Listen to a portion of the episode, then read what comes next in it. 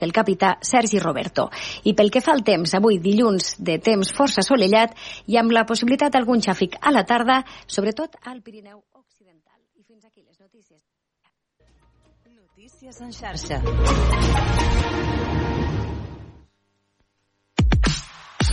Obert per vacances amb Manel Ferrer.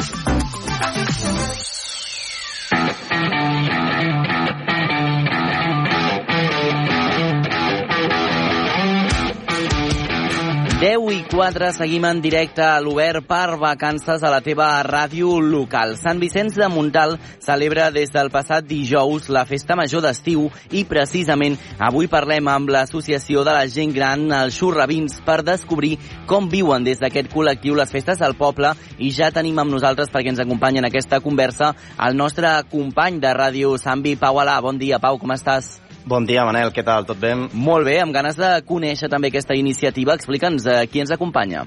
Doncs sí, mira, ja som aquí amb en Manel Parcerissa, també el Quico Bril i en Joan Rabat. Com dèiem, ells doncs, eh, porten anys formant de part dels Xurravins, que és una de les associacions més actives i conegudes de, del municipi, i òbviament doncs, és un plaer tenir-los tenir, -los, aquí. Bon dia. Ah, què tal, com esteu? Molt bon dia. Bon dia a tots. Ja fa uns dies que han començat a fer les activitats de la Festa Major d'Estiu de Sant Vicenç. De moment, com les esteu vivint, aquestes festes? Home, molt bé, molt bé. Mi són unes festes maquíssimes, eh? Vull dir, hem tingut... Ahir va haver un concert dels tiets, Carai. que, bueno, van, van omplir a la platja, és que nosaltres tenim l'avantatge de que tenim la platja, que és un lloc, un, lloc per fer actes així públics. Uh -huh. I, bueno, la platja era rebossant, no hi havia un lloc per aparcar amb tota la part baixa de Sant Vicenç. No hi havia un, una plaça de pàrquing lliure perquè estava ocupada de gent que es que venen de fora. Diu que és la vegada, em va dir el meu fill, per ser, que havia vist més gent amb un espectacle a Sant Vicenç. Sí, sí, sí, sí. sí. El, els tiets precisament eren part de- d'aquest d'aquest cartell, però vosaltres precisament el, els xurravins com, com, a, com a associació sou una de les associacions que, que participeu sempre activament a, en aquestes festes. Expliqueu-nos també una mica quines activitats heu, heu anat muntant durant aquests dies, perquè sé que heu fet bastantes, bastantes coses. Sí, bueno, bastantes. Bueno, sí, ahir, ahir, ahir va haver... Digue, Sí, eh, n'hi ha hagut dues. eh, la, les de Pla i Xurravins, que van fer una actuació el divendres, Mm-hmm. i el dissabte hi va haver un campionat de, de futbolín. Això són les dues activitats que hem fet dintre la festa major. Carai, escolta, fèieu menció a aquest, uh, aquesta actuació dels Play Xurravins en el marc de la Festa Major de Sant Vicenç. Expliqueu-nos una mica de què tracta aquest espectacle musical. Mira, uh, els Plais Xurravins és, un, uh, és una, una agrupació de d'això, de playback. Mm -hmm. I aleshores fem, fem un, seguit de, de cançons de tots, de tots estils, tots tipus, tots gèneres, Fe- fem òpera, fem Freddie Mercury, fem cançó espanyola, catalana, i les interpretem en playback i ens reunim una colla de gent amb ganes de, de gresca, amb ganes de passar-ho bé, i que donem molta molta distracció, distreu, és, és, és un espectacle que és bonic. A més a més, després el fem a les, a la, a les residències de la, de la gent Mhm. gran, que és una labor humanitària molt important. Eh, L'espectacle va ser el divendres passat. Expliqueu-nos una mica com, com va anar, perquè pel, pel que sé el, el teatre va, va estar ben ple, no? Sí, sí, el, el, el teatre el teatre va estar força ple, força ple, o sigui, vam quedar sorpresos de la gent que va hi ha vingut, va disfrutar molt i va aplaudir mm, com mai. Ja, de veritat. Com. Perquè, a, a, a més, les, les cançons que, que portàveu són d'aquestes que, que, es, con- que coneix tothom, no? Eh, sí, sí, clar. Sí, sí, sí, clar. sí, sí. Cançons de, de, tots el, de tots els temps. Vam fer un homenatge a la Tina Turner, una cançó de la, de la Tina Turner, la, la recordo ara quina cançó era, el I Am Love, no, ara me'n recordo. Ara no recordo quina cançó mm. era, però vam fer un homenatge a la Tina Turner i molt bé, molt bé. Música americana, música espanyola, catalana, de tots estils, una variació d'estils que és bonic, és bonic de veure aquelles persones interpretant eh? Amb vestits ben, ben arreglats, vull dir, una bona decoració. Sí, sí. És Carai. un espectacle que és molt bonic. Mhm. De fet, ens dèieu que havia estat eh, tot un èxit, eh? eh? No sé si teniu preparades eh, funcions, més funcions de cara al futur, si teniu noves dates, perquè sovint actueu també per la zona. Sí, sí, sí. L'11 de setembre actuem a Caldetes, a Caldes d'Estrac, i el- l'1 d'octubre és el dia, de la, el dia internacional de la gent gran i tornem a actuar aquí en el, en el Teatre del Sant Vicenç. Mm. Per fer una altra actuació, sí, sí. Eh, doncs mira, aquestes són les actuacions que, que es faran. Ens explicava una mica a, aquest espectacle de, dels Plays Xurravins, també veu organitzar un, un torneig de, de futbolí, però eh, aquí l'Obert per Vacances, eh, més enllà de, de conèixer les activitats que heu muntat vosaltres mateixos, també ens agradaria conèixer una mica eh, què heu fet vosaltres eh, durant eh, aquests dies de, de festa, personalment, com, com les heu viscut, si heu anat a, a moltes activitats, expliqueu-nos una mica com, com, com esteu vivint a, a, aquests dies. Bé, jo, jo personalment he anat a, a, a tres o quatre llocs a veure... El, he participat... Bueno, participat no, he anat a veure el, el Play, he participat en el torneig del futbolín, vam anar a, en un, en un, con- un altre concert i vull dir, hem anat participant en, en quasi totes les coses. I, i jo vaig estar també en un concert infantil de l'Abdà Mare Jalabert mm. Mare Jalabert també és una, mm. una figura dins de la música infantil en tenim diversos eh, a Catalunya teníem diversos grups de música infantil bons tots després va haver-hi un, una una d'això, titelles, un espectacle de titelles, mm -hmm. bueno, érem, érem totes ara, d'aquí pocs dies. Amb de participació en tots els molta, molta, espectacles. molta, molta, molta participació. Eh? Jo vaig anar eh, a una festa que vaig a la platja, Mhm. de que era d'una discoteca, que es deia Quatro, i llavors el sí. jockey va venir aquí i va fer una recopilació dels 80, espectacular, molta gent, i també molt ben preparat els busos llançadora que hi havia des de l'estació fins al poble. Fenomenal. Tot, tot perfecte. Mira, de fet, Sant Vicenç hi ha una, té, és- té una distància, és a dir, hi ha unes distàncies, eh? és un poble sí. que és bastant... Dos quilòmetres. Sí, eh, hi ha, una, hi ha un mar-muntanya, eh? El, el símbol de Sant Vicenç és mar-muntanya. Mhm. I aleshores hem de posar, es posen unes llançadores, hi ha un autobús que pim-pam, pim-pam, va pujant i baixant. I està molt bé, és un bon servei. Mm. Sembla que eh, heu viscut moltes eh, festes majors, que aquesta és la, la primera per descomptat. Com han canviat aquestes festes majors des de temps enrere fins les que esteu visquent actualment? Bueno, antigament, no eren res. Dir- Antigament potser era, no, no hi havia aquests grans espectacles, hi havia sempre una orquestra amb un concert i un ball i sardanes i No falla mai, una, una mica de tot, però no tan complet com és ara en els últims anys. El 15 és el dia de la festa major, el 15 de- d'agost, mm -hmm. hi ha la missa, i després doncs, amb els gegants eh, pugen a la plaça de, de, plaça, de plaça del poble I és la la sardana. una miqueta de pica-pica és una, una festa aquesta, aquesta ha sigut sempre Mm. Ah, ara, ara em comentàveu que, que les festes doncs, eh, podríem dir que s'han magnificat bastant, que han, han anat creixent amb, amb el pas dels anys i, i també ens interessa eh, preguntar-vos sobre com, com les viviu. Ha canviat molt la forma com les vivíeu antigament a, a com les viviu a, avui en dia o, o, o l'essència segueix sent la, la mateixa? Eh, és que, aviam, abans eh, la festa major era més centralitzada a la part del poble i ara s'ha descentralitzat, o sigui, és el, a mig pop eh, hi ha un parc de, de les gravialistes que també s'hi fan espai de Mhm. lúdic, després també es va a la platja, s'hi fan habaneres, s'hi fan... Són espais que s'han anat recuperant que abans no es feien servir. sí, sí, és una festa completa eh? ara és, és molt completa sí, sí. correfocs eh, eh, habaneres a la platja focs, artifici, Carai. artifici Sí, sí. és una festa fins d'aquí- d'aquí al 15 eh, hi ha moltes coses Mhm. sí.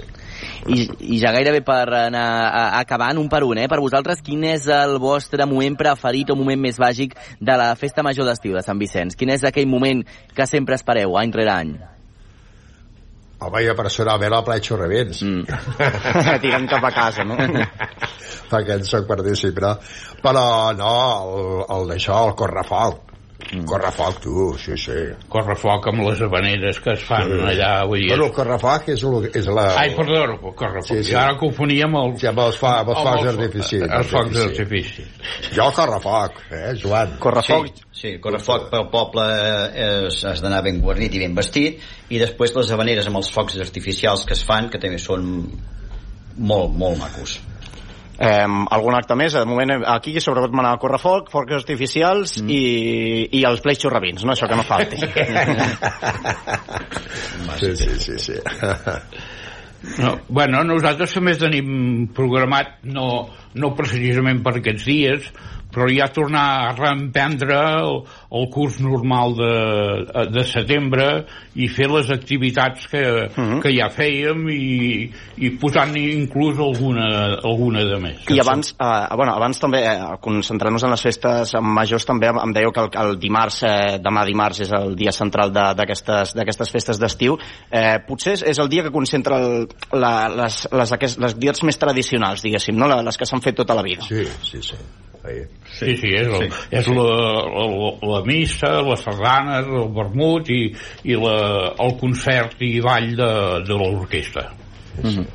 Doncs ens quedem amb totes aquestes propostes que ens heu explicat, eh, Manel, Quico i Joan. Gràcies per haver passat avui també per l'Obert per Vacances i felicitats també per la part que us toca per aquesta festa major.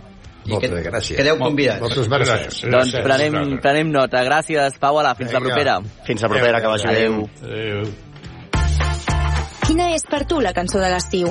Digue'ns-ho amb una nota de veu al 628 841 055 i podràs guanyar 60 euros per gastar al bon preu esclat.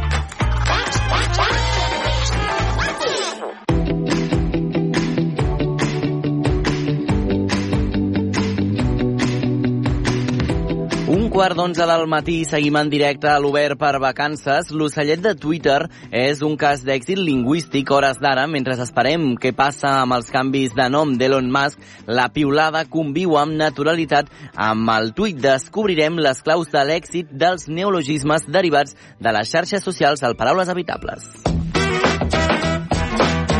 Paraules habitables. de quedar-s'hi a viure no per no dir. Piulada. Missatge curt, amb un nombre de caràcters limitat i que pot incloure contingut multimèdia que es publica al Twitter. L'ocellet blau de Twitter, que ara volen canviar per una X en blanc i negre, que francament no és massa atractiva, és un cas d'estudi de com la llengua integra els nous canals de comunicació que són les xarxes socials.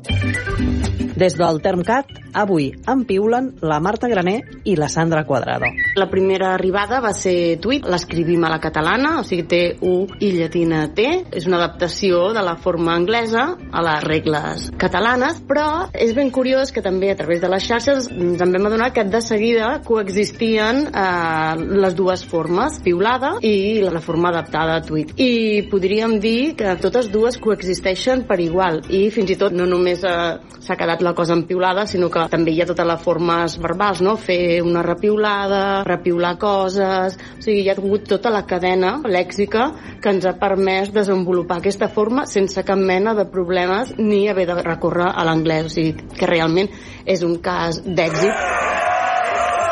Segurament lèxic també ve perquè ja d'origen la forma piulada va sortir dels, dels usuaris, no? Perquè era, era tan clar la cosa del tuit, de l'ocellet, que es va buscar una alternativa i no va ser una qüestió més imposada o més reflexionada a posteriori, sinó que ja d'origen va sortir i a partir d'aquí ha permès això que dèiem fer tota la família.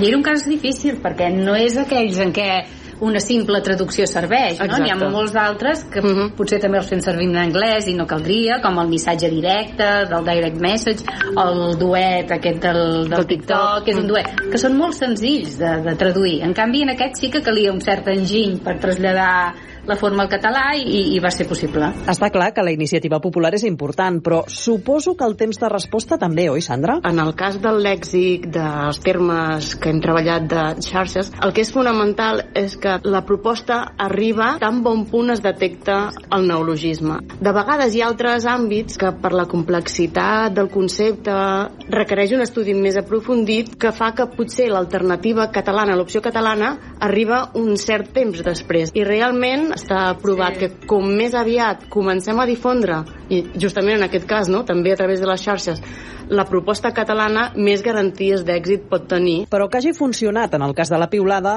no vol dir que la fórmula sigui universal o sí? També passa de vegades que d'altres, per exemple, eh, que, que, que van, bueno, no, eh, les vam fer circular d'una manera paral·lela, com el tema del moment pel trending topic i aquesta que no ha tingut eh, el mateix èxit. El sentim, però no, no al mateix nivell. Al final, la decisió final la té el, el parlant. I si tu tens story per la, la sí. fórmula d'Instagram i em pots dir història i eh, com a parlants continuem dient story, doncs aquí està clar que, que, que el català hi perd quan no hi ha cap mena de problema perquè semànticament història és molt transparent i tenim molts altres exemples, no? com les històries destacades. Al final crec que hi ha d'haver també una voluntat del, dels parlants per, no? per apostar per les nostres propostes.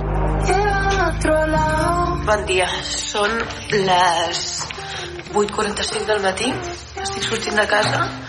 Avui m'espera un dia mogodet, mogodet, mogodet. Actualment hi ha gent jove que està generant continguts audiovisuals a les xarxes en català, ho estan fent molt bé, amb una regularitat que segurament amb altres franges d'edat no la tenim i, i, i també estan difonent aquest missatge, no? I el fet de que es faci en català eh, això, mm, bueno, hi ha una traçabilitat del discurs que probablement des de les institucions no hi estem arribant i ens fan una feina jo crec que treballem no, conjuntament, fan d'altaveu i ho estan fent molt, molt, molt bé. Marta, a banda dels joves, tu expliques que una altra clau per normalitzar el vocabulari de xarxes socials és no passar-se de frenada el sistema ha de tenir una mica d'equilibri. I jo quan ho miro en conjunt penso, bé, doncs, els que són més senzills, provem de dir-los, aquests que esmentat la Sandra. Ja n'hi ha de complicats, que aleshores haurem de cedir i tenir-los en anglès. Un dels casos més conflictius és el dels Reels, de l'Instagram. Sí. No? Aquest ens els vam plantejar perquè ja, evidentment, feia temps que existia i no hi havia alternativa. Mirant una mica, esclar, vam veure que això ve d'una eina que té com un nom propi registrat, que és l'Instagram Reels. Aleshores, intentar aquí traslladar-ho en alguna cosa que fos així enginyosa i que donés la idea d'un vídeo, vam proposar en algun moment, o vam sí, pensar sí. internament que sí rodet, que sí... Però mm, al final vam desestimar-ho, de fet l'eina es diu Reels i es manté una mica com el nom comercial encara que es fa servir també de manera genèrica. Vull dir que si mirem en conjunt, doncs, ja que en alguns casos no hi ha la possibilitat, en els que és senzill, fer Exacte. molt pas i que la llengua no sigui tan, tan plena de formes eh, alienes. No em vull saber em poseu algun exemple? Per exemple, si en lloc de dir uh, fer un like diem fer m'agrada, fer un m'agrada, no? que permet tota la flexibilitat tant amb substantius com uh, un m'agrada, com fer un m'agrada, això és ben senzill. O bé el postureig, el postureig ha funcionat, uh, no hi ha cap mena de, de problema.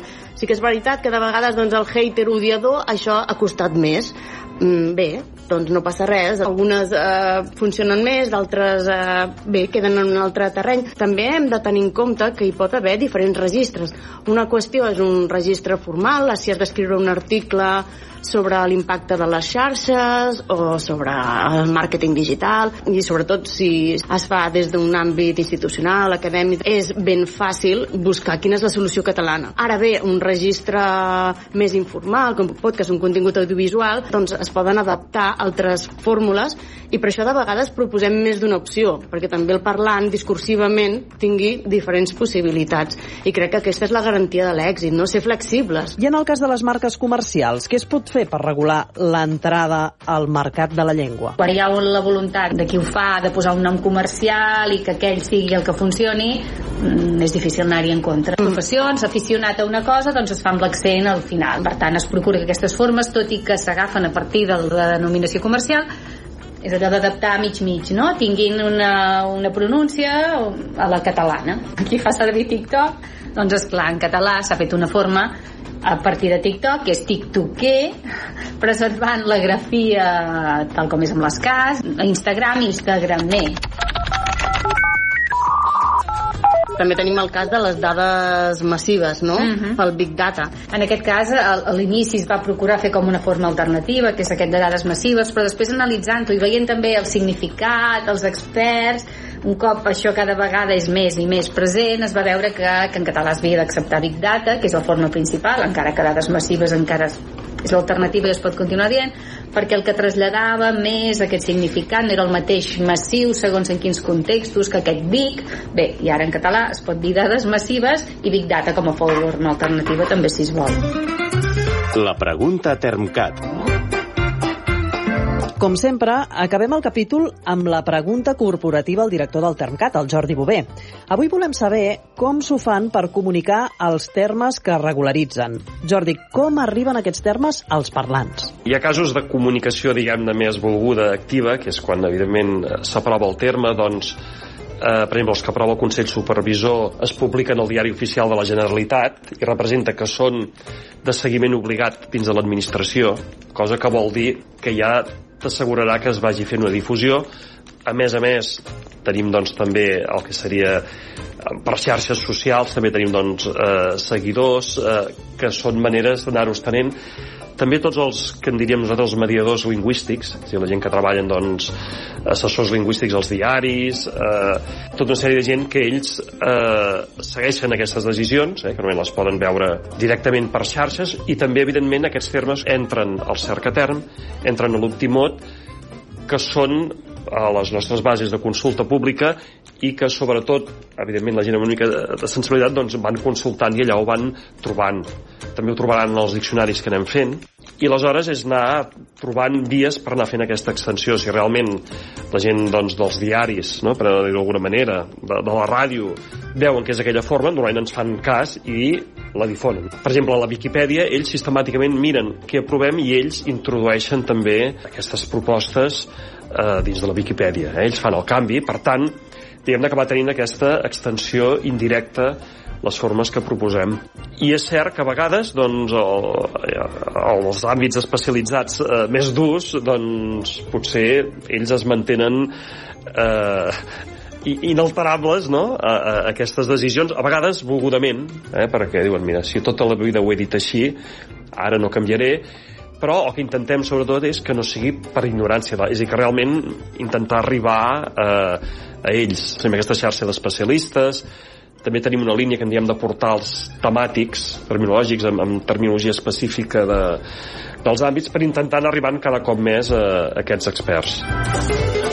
Paraules Evitables és un podcast de la xarxa en col·laboració amb el Termcat.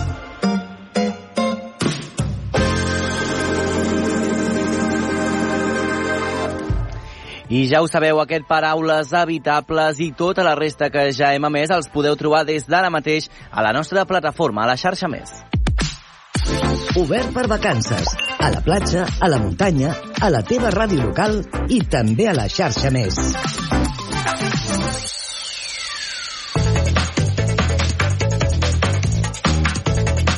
10.26, seguim a l'Obert per vacances. Ho dèiem al principi del programa, com sempre, que aniríem cap a Vic amb l'Eudal Puig. Ha arribat el moment, bon dia. Al final, què descobrim avui, Eudal? Bon dia de nou, Manel. Doncs mira, no sé si recordes que la setmana passada visitàvem el Vic.0 i l'Església Oh, i de la Pietat. Ho recordo Doncs mira, perfectament. Doncs mira, ara de fet és que som al costat, està tot ben a tocar, eh, ja ho veus, som en un lloc que pràcticament com tot Vic és ple d'història, però el cas és que aquí és on va néixer, també podríem dir, Osona i tota la seva història. Avui som al Temple Romà de Vic, un lloc esplèndid i molt imponent que es troba al centre de la ciutat, a 5 minuts caminant d'aquesta plaça major que divendres passat eh, visitàvem. Tenim l'oportunitat de saludar a la Montserrat de Rocafiguera i Espona, que ella és arqueòloga i autora del llibre d'Auso eh, d'Ausa a Osona, d'Auso, aviam, aviam si ho diré, espera't, aviam, eh? D'Ausa a, a Auso, i també és directora del jaciment de l'Esquerda, i ella ens explicarà part d'aquesta gran història que amaga aquest temple romà d'aquí a Vic, i molt bon dia, doncs, Montserrat. Molt bon dia. Um, a veure, què ens ens pots explicar d'aquest temple romà i que, si no m'equivoco, és un dels pocs que queda en tota la península? Sí, a veure, temples romans n'hi havia a moltes ciutats de la, de la península en el, moment, en el moment que es van fundar, però n'hi ha molt pocs que hagin tingut la fortuna de, ser, de, de poder ser conservats fins avui dia. De fet, a, la, a Catalunya d'en peus i que puguem entrar dintre només hi ha aquest, mm -hmm. podríem, eh, el segon temple està a Mèrida, eh? per tant el temple de Diana a Mèrida també és un temple que té l'estructura bastant intacta i després eh, ja ens n'hauríem d'anar a Portugal. Tinguem en compte que en les grans capitals eh, podíem, podem trobar, per exemple, a Barcelona algunes columnes, etc, però no, no tenim l'estructura del temple com aquí. Per tant, és un jaciment, ai, és un, és un monument més que singular. Uh -huh. uh, de quina data... A vegades el tenim tan quotidià que Clar. no ens n'adonem. Clar, i tant, a vegades uh, acostuma a passar. Eh? De quina data és aquest temple i, i per què va ser construït en el seu origen?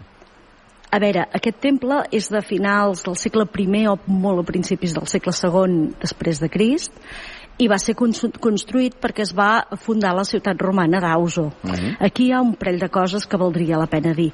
No és que sigui l'origen d'Osona, Osona té un origen prehistòric, tenim una, un poble ausetà molt ben organitzat durant tota l'època ibèrica, però sí que sembla que, així com sempre es havia dit que la capital dels ausetans era eh, Auso i per tant Vic, això sembla que no és cert, perquè aquí eh, a la ciutat no hi ha restes ibèriques. Aleshores, sembla que és una ciutat fundada de nova planta, molt probablement a l'època de l'emperador Octavi August, que és en el moment eh, en què ja està tot el territori pacificat, ja està tot el territori pràcticament romanitzat, i llavors organitzen aquest territori la romana i al centre de la comarca i col·loquen la ciutat que es diu Auso, eh? I, que, i, que, i que té un fòrum i que té un temple. Jo et volia preguntar en aquest sentit, um, comentes que té aquesta història del segle I, segle II uh, després de Crist, um, clar, a partir d'aquesta data fins a avui han passat moltes mans, suposo, per aquí, totes ja han anat passant la seva impremta. Quin estil arquitectònic pot arribar a tenir? Um, també, si no m'equivoco, una de les seves curiositats és que una de les columnes que hi ha fora uh, hi ha una part que és original, no?, o una cosa així?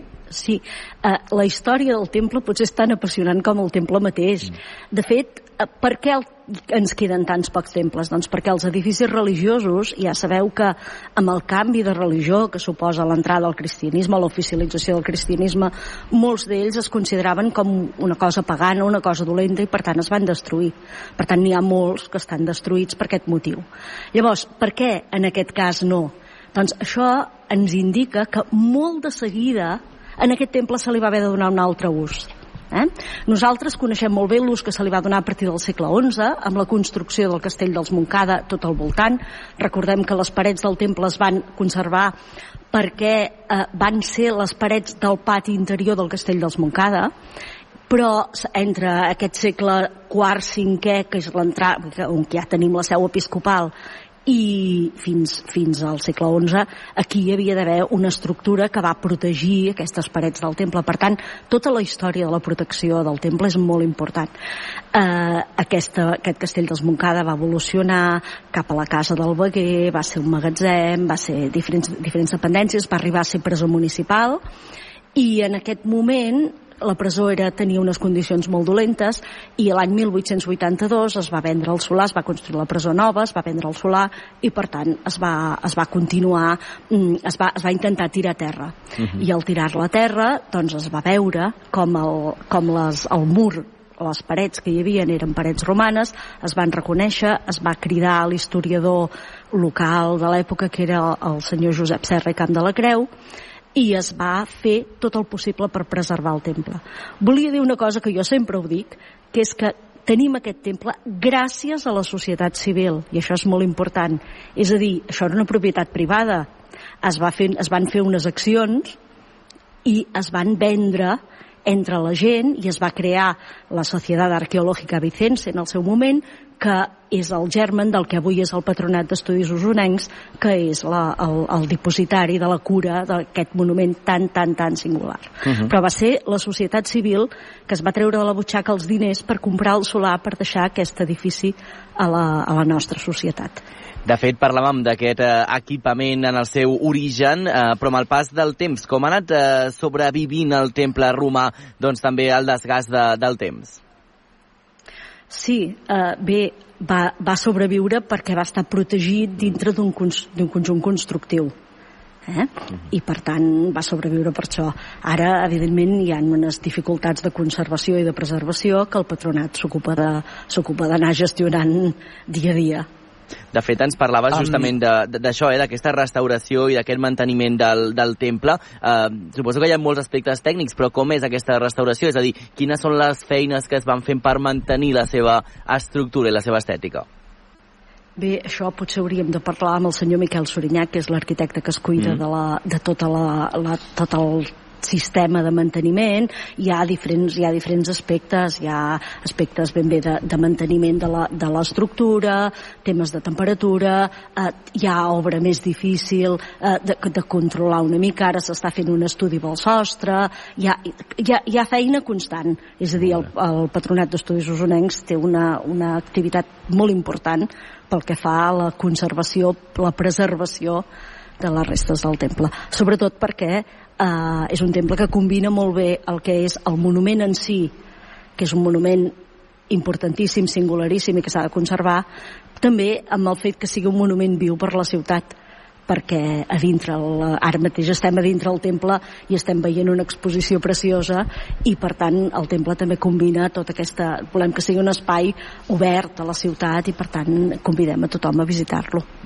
Ara ho comentaves a Montserrat i de fet anaven sortint um, aquests noms de, del patronat d'estudis de, usonencs. Uh, tant per tant, doncs, aprofitem per presentar el president d'aquesta entitat, és en Francesc Codina, president del um, el patronat d'estudis usonencs. Uh, Francesc, molt bon dia, gràcies per atendre'ns. Bon dia, gràcies a vosaltres. Ara ho comentava la Montserrat, no? Potser el temple romà és una de les herències més uh, importants de l'època romana aquí a la ciutat. Um, què significa per al patronat tenir aquest edifici tan singular aquí a Vic?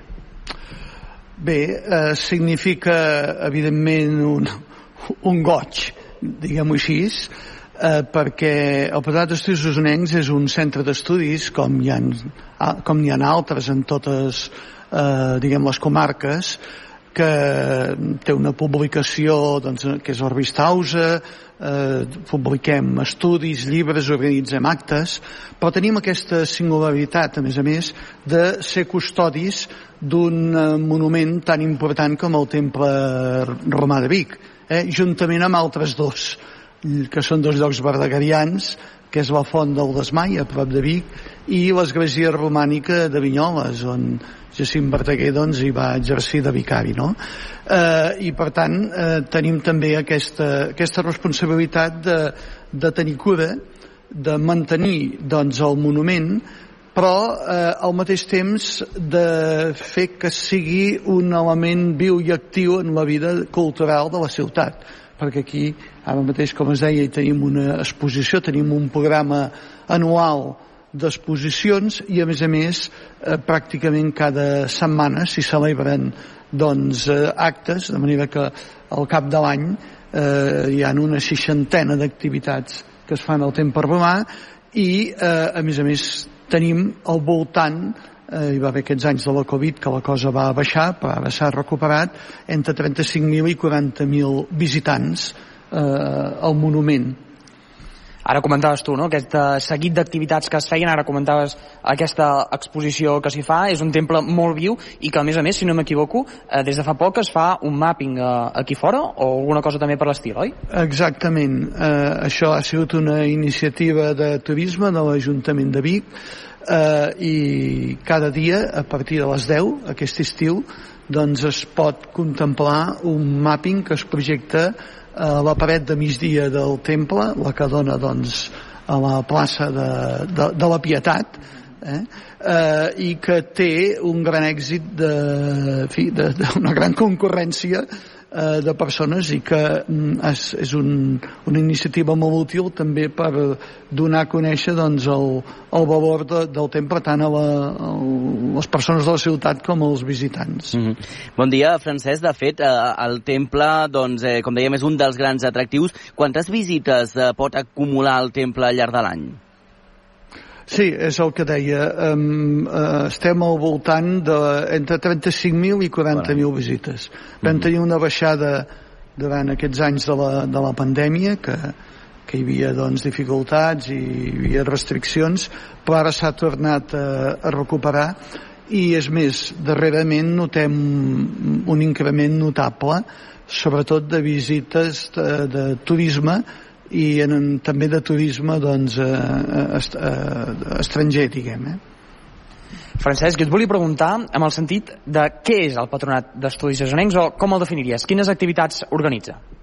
Bueno, el Patronat d'Estudis Osonencs, com abans deia la, la Montserrat, doncs és una veu d'aquesta societat arqueològica que al finals del segle XIX va tenir la iniciativa de recuperar doncs, el, el monument perquè eh, això havia aquest castell que envolcava el temple havia anat doncs, transformant-se i d'alguna manera també de, degenerant com a edifici i eh, es va subestar llavors el va comprar un, un constructor per fer-hi doncs, una casa de pisos mm. i quan va començar la demolició eh, es van adonar que aquí doncs, hi havia elements romans un personatge que abans en parlàvem que era a Serra i Camp de la Creu, doncs sobretot que va ser, podríem dir, el, el principal descobridor del temple, i es va crear una societat que va, que va fer una, unes subscripcions, una col·lecta, va adquirir el monument, etc. No? Llavors, eh, el Patronat d'Estudis Osonencs mm, és el continuador d'alguna manera d'aquesta societat, es va crear l'any 1952, eh, entre els seus fundadors eh, hi va haver l'important eh, historiador eh, Eduard Junyent i eh, des d'aquella data fins ara doncs, continua portant la seva activitat que com deia abans, bàsicament és d'un centre d'estudis, que vol dir promoure totes les investigacions relacionades amb, amb el territori d'Osona, en tots els àmbits, des de la història, les lletres, però també les ciències naturals, la tecnologia, etc. Per això publiquem aquí tenim a la vista doncs, algunes de les últimes publicacions, la revista Ausa i tot de monografies i llibres. Doncs Francesc Codina, president del Patronat d'Estudis Osonencs i també Montserrat de Roca Figuera, moltes gràcies per atendre'ns els dos avui aquí a l'Obert per vacances i vosaltres ja ho veieu, Manel i companyia. Mm. Uh, això és l'activitat que s'hi fa aquí al temple perquè el pugueu vindre a visitar i aquest gran atractiu turístic que, que té la ciutat de Vic. Doncs no ens ho perdem, quedem tots uh, emplaçats a anar-lo a visitar. Moltes gràcies als tres, que vagi bé. Adeu. Fins ara. Obert per vacances amb Manel Ferrer.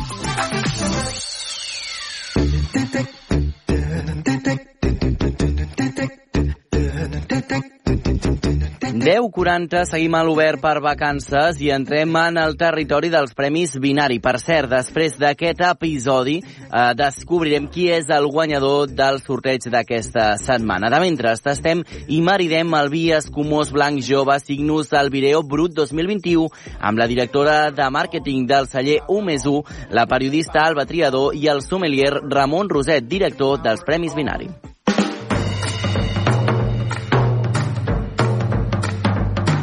Es genera el carbònic dels vins escumosos? Quines diferències hi ha entre un escumós i el cava? Aquests vins són només per les postres o els podem prendre en altres situacions? Obrim la cinquena ampolla del celler dels Premis Binari, la primera amb carbònic, per conèixer els secrets del vi escumós. Premis Binari, amb Alba Triador. Ramon Rosset, somiller i director dels Premis Binari, com estàs? Molt bé. Obrim una nova categoria de vins, entrem en els escumosos. De fet, li dedicarem dos capítols per poder prendre el màxim possible d'aquests vins, perquè, perquè la gent ens entengui, els vins escumosos són aquells que formen una escuma quan els servim, no? Correcte, sí, un vi escumós és un vi tranquil al qual se li torna a fer una segona fermentació en la qual fa una presa d'escuma i per tant de, li té bombolles, té el carbònic. I ara hem de fer una diferència important. Quina és la diferència entre un vi escumós i el cava? Bueno, de fet, el cava és un vi escumós. Avui dia, fins, fins fa molt poc temps, eh, per nosaltres cava i vi escumós era el mateix. El que passa que ara hi ha alguns cellers que han decidit sortir de la denominació d'origen cava, continuen fent escumosos en mètode tradicional, i ara pues, tenim els caves d'una banda, que són els que en parla Deo Cava, tenim els clàssics Penedès, que són els escumosos que en parla Deo Penedès, tenim els Corpinats, que és una agrupació de cellers que van decidir ajuntar-se i crear una marca corporativa de la Unió Europea, i també tenim algunes altres denominacions d'origen com Alella, l'Empordà o la Terra Alta, que fan escumosos amb DO, de, amb aquestes de, denominacions d'origen. Doncs tenim una àmplia varietat de Sí. vins escumosos Eh, a, Correcte. a casa nostra. El denominador comú és que tots són vins escumosos fets pel mètode tradicional. I com s'aconsegueix aquest carbònic, aquesta efervescència del vi escumós? Doncs, bueno, el que et deia, t'agafes un vi tranquil, que és un vi que ja es fermenta per fer vi base cava, o, bueno, vi base vi escumós, ara anem de dir, al qual després això es posa dins una ampolla, s'hi afegeixen sucres, o bé most, vull dir, s'hi afegeix alguna cosa que contingui eh, sucres i llevats. Llavors, eh, a la primera fermentació, el, la reacció de, de que els llevats es mengin els sucres genera alcohol d'una banda i anhídrid carbònic per l'altra. En la primera fermentació el dipòsit és obert i el CO2 se'n va cap a l'aire. Mhm. En la segona fermentació està tapat dins una ampolla, llavors el CO2 es queda dintre i per això tenim el carbònic, tenim les bombolles. Ara ens parlaves de dins de l'ampolla, eh? Quant de temps ha de reposar, com a mínim, les ampolles per dur aquest procés? Eh, el mínim establert per la llei és de 9 mesos, però ja hi ha ara mateix està en revisió, hi ha aquí, per exemple, els corpinats exigeixen 15 mesos i, i, i algunes altres, altres denominacions 12 mesos. No tot el vi que té carbònic és, uh, és un escumós. També hi ha el vi d'agulla, el parlat i el gasificat. Quines diferències hi ha entre Són mètodes d'elaboració diferents per, per acabar obtenint això un vi que quan el bevem doncs, té sensació carbònica. Eh, la diferència és de mètode. Per exemple, si tu vols fer un vi escumós, el que fas és eh, eh, fermentar-lo en el dipòsit i tapar-lo.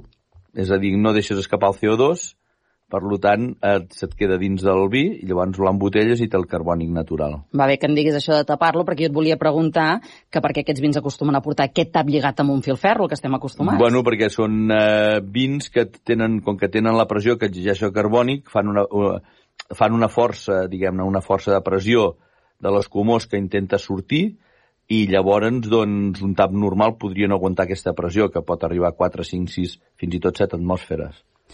Tenim feina encara per parlar dels escumosos. En seguirem parlant al pròxim capítol, Ramon. Molt bé, fantàstic. Gràcies. A tu. Enguany, els Premis Binari han reconegut el Signus Albireo Brut 2021 del celler 1 més 1 amb el binari Gran Or, el millor vi escumós blanc. Marxem fins a Font-rubí per conèixer una mica millor aquest vi. Ens en parla la Maria Pinyol, directora de vendes i màrqueting del celler. El Signus Albireo 2021 del celler 1 més 1, guanyador del Premi Gran Or Binari, dos anys seguit. És un cava molt interessant perquè té dues dimensions aromàtiques que destaquen moltíssim. La primera és, són els aromes primaris, que són aquestes notes de cítrics, de, de fruites blanques molt alegres, molt festives, combinades doncs, amb, amb notes de, de criança, lleugerament de cremositat, eh, de brioixeria. I aquesta combinació el fa que sigui un cava superagradable de veure i molt, molt divertit. Amb tota aquesta informació, ja només ens falta saber quina és la proposta del celler per fer un bon maridatge.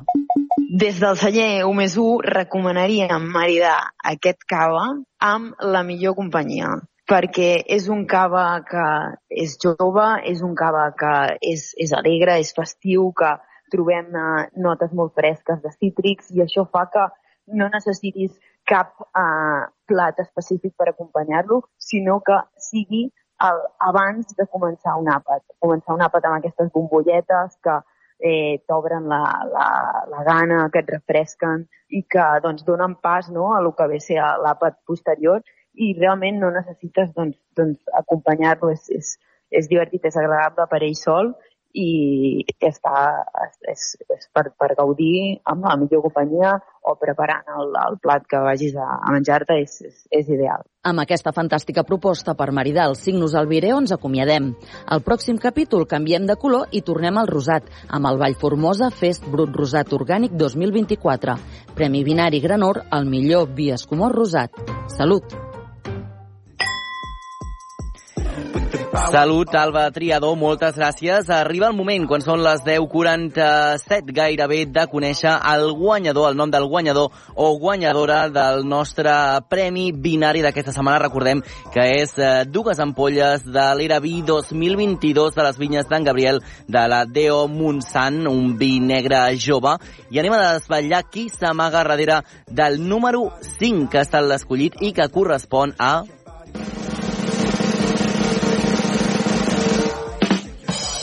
el Josep Maria Ferrer de Lleida i la seva resposta és aquesta. Hola, sóc Jo- Josep Maria de Lleida. Em prendria una copa de vi amb la meva parella al llit i fresquets. Carai, la cosa es posa interessantíssima. Doncs escolta'm, ja no és un desig i no és emprendria, ja és et prendràs, perquè aquestes dues ampolles de l'Era Vi 2022 de vinyes d'en Gabriel va cap a casa teva. Moltes felicitats. Josep Maria Ferrer de Lleida, vosaltres podeu seguir participant perquè el proper dilluns seguirem sortejant vins, en aquest cas dues ampolles de Signos al Vireo Brut 2021 del celler 1 més 1 fan 3 de la Deo Cava. Per tant, podeu seguir enviant les vostres notes de veu al 628 841 055 628 841 055. Seguim endavant. Obert per vacances. Cada matí, de 9 a 11, a la teva ràdio local.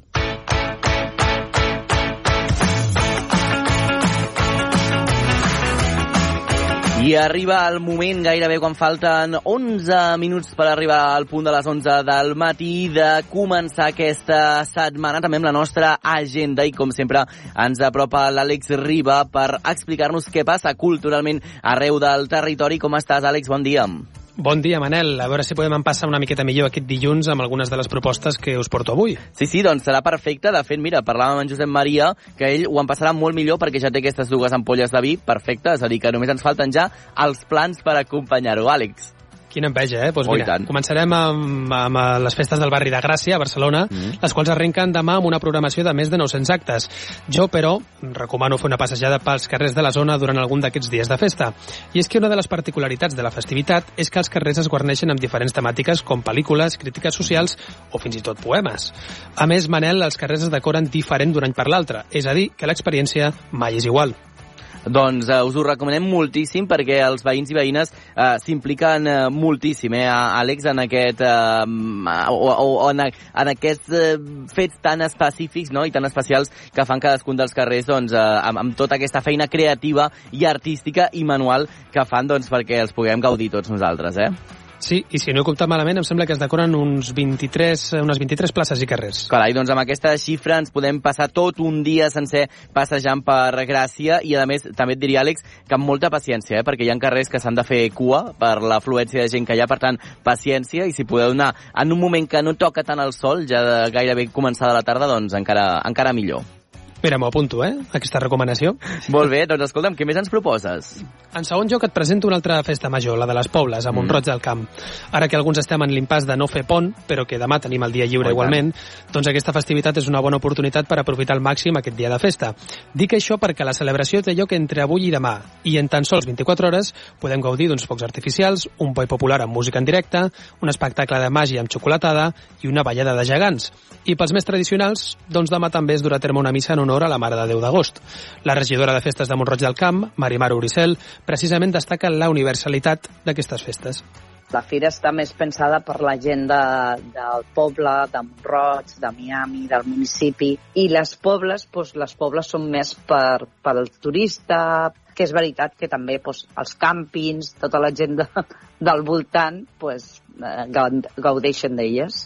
Si vols conèixer tota la programació al detall, Manel, la trobaràs a les xarxes socials de la pàgina web de la, o a la pàgina web, perdó, de l'Ajuntament de Montroig del Camp. Doncs eh, m'ho apunto, eh, perquè és un bon pla per solucionar això de tenir un dia lliure entre setmanes sense poder fer pont. I quina és la darrera proposta que ens presentes, Àlex? Acabarem amb una música eh, i un ball, i és que demà culmina el White Summer Festival de Palamós. Ho farà amb dos espectacles. El primer s'anomena l'Exèrcit de Llum i tindrà lloc aquesta nit a càrrec de Brodes Bros. Es tracta d'un grup de dansa que balla amb un vestit ple de llums LED, per tant, doncs, la festa està servida. I la segona proposta és un concert de rock a càrrec de Art de Bogotà, que presentarà el seu darrer disc, Cowboys de l'A3, que és el que estem sentint ja de fons. Molt bé, doncs escolta'm, això és meravellós aquest eh, pla. Quin preu tindrà, Àlex, perquè s'ho estigui pensant?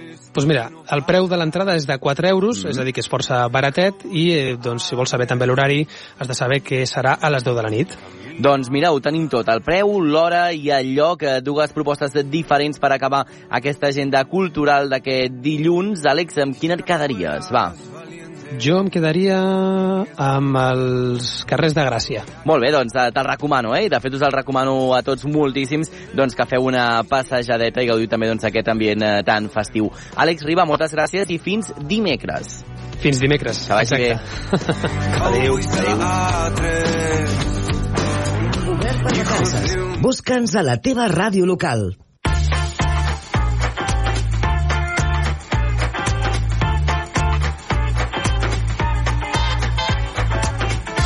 I després de les propostes culturals de l'Àlex, canvio de secció, que l'Anna Gasol ja m'espera amb moltes més propostes també de les vostres cançons de l'estiu. Anna, com estàs? Molt bé, Manel, i tu com estàs? Ben Molt content, bé, eh? home, Amb aquestes content. ampolles de vi repartides. Tu diràs, contentíssim, perquè el Josep Maria Ferrer de Lleida s'emportava aquestes dues ampolles i que ens deia Anna que ho compartiria amb la seva dona estirats al llit. No ens especifica fent què, però és un bon pla. És un bon pla, sí, ratifico. Exacte. Escolta, nosaltres Digue'm. també ens en podríem prendre alguna, eh? Oh, i tant, oh, i tant. Ja escolliríem el lloc, també t'ho dic, potser una mica agosarat el Josep Maria, però escolta'm, prendre'ns una copeta, sempre que ho fem amb salut, és un molt bon pla. I tant, perquè tornem a obrir eh, aquest Mhm. sorteig per dilluns que ve. Tornem a sortejar dues ampolles de vi, aquesta vegada de vi escumós blanc. Oh, i tant, sí, sí, ja ho sabeu, podeu participar. Anna, digues si vols el telèfon, on pot Mhm. la gent enviar les seves notes de veu? Al 628 841 055 i ens expliqueu això.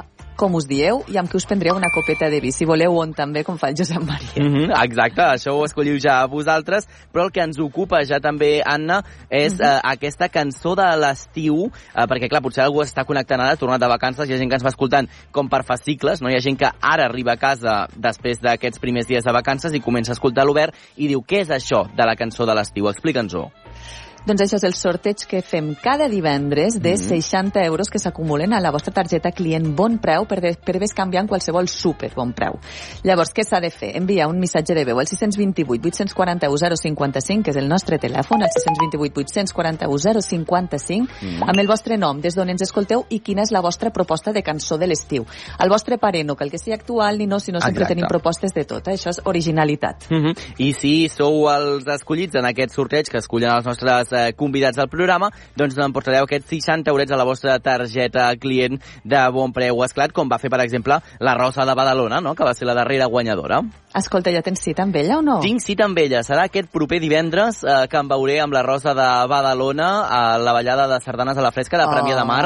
Eh, farem una foto o un vídeo perquè pugueu veure també aquest moment de, de retrobada. Serà preciós, tant, això. que divertit. Oh, Molt tant, sí, ballareu sí. el coti per coti, eh? Per exemple, a veure si ens la, ens la posen, que segur que no hi faltarà. Uh, però la Rosa és una de les nostres guanyadores. N'hem tingut ja, em sembla que quatre guanyadores en el que portem Mhm. de programes i guanyadors. Uh, anem a escoltar, si et sembla, Anna, alguna proposta, no? I tant, te les fico. Vinga. Hola, bon dia. Sóc l'Ester Bon d'Aige. dia, Ester. I a mi m'agrada escoltar a l'estiu, bueno, o en tant en quant, mm. la cançó del Cirex, l'escova, perquè així m'imagino que estic escombrant moltes coses. Hola, sóc Irene, d'Artesa de Lleida, i la cançó de l'estiu és del Marc Anthony Flor Pàlida. Ja, sóc la Maricín, des del Canà. Mm, una de les cançons meves de l'estiu també és la de Pau Donés, Eso que tu me das. Oh, molt maca. Vale, bon estiu. Bon estiu. Doncs propostes molt diferents, et diria, les que ens han eh, proposat, Anna, eh? Gustos per tot. Escolta, què escombraries tu? Què escombraries? Que m'ha agradat la metàfora del nostre oient, no? que ens deia que escombraria moltes coses, però em sembla que a més era en format irònic, no? I que Jo feia aquesta que sí, referència eh, de que faria de fora veu. moltes coses. Eh, no sé si amb la escombra físicament o, o no, eh, però amb molta, molta raó. Jo escombraria, et diria, sobretot una mica aquesta calor tan densa que tenim, i encara que sembli molt eh, atòpic, eh, les guerres i, i, i totes les coses negatives que tenim al voltant. Doncs ta- jo també, eh? I l'estrès, a vegades l'estrès de sempre corrent. Exacte, doncs va, ho deixarem aquí, Anna, Amb un recollint...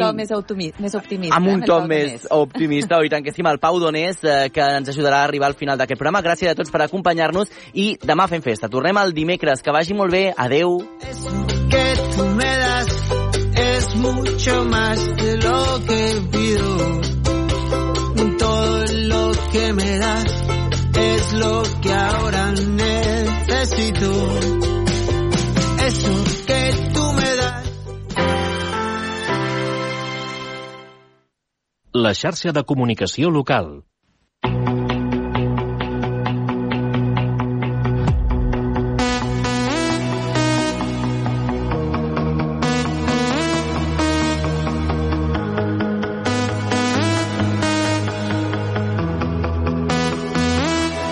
Don't you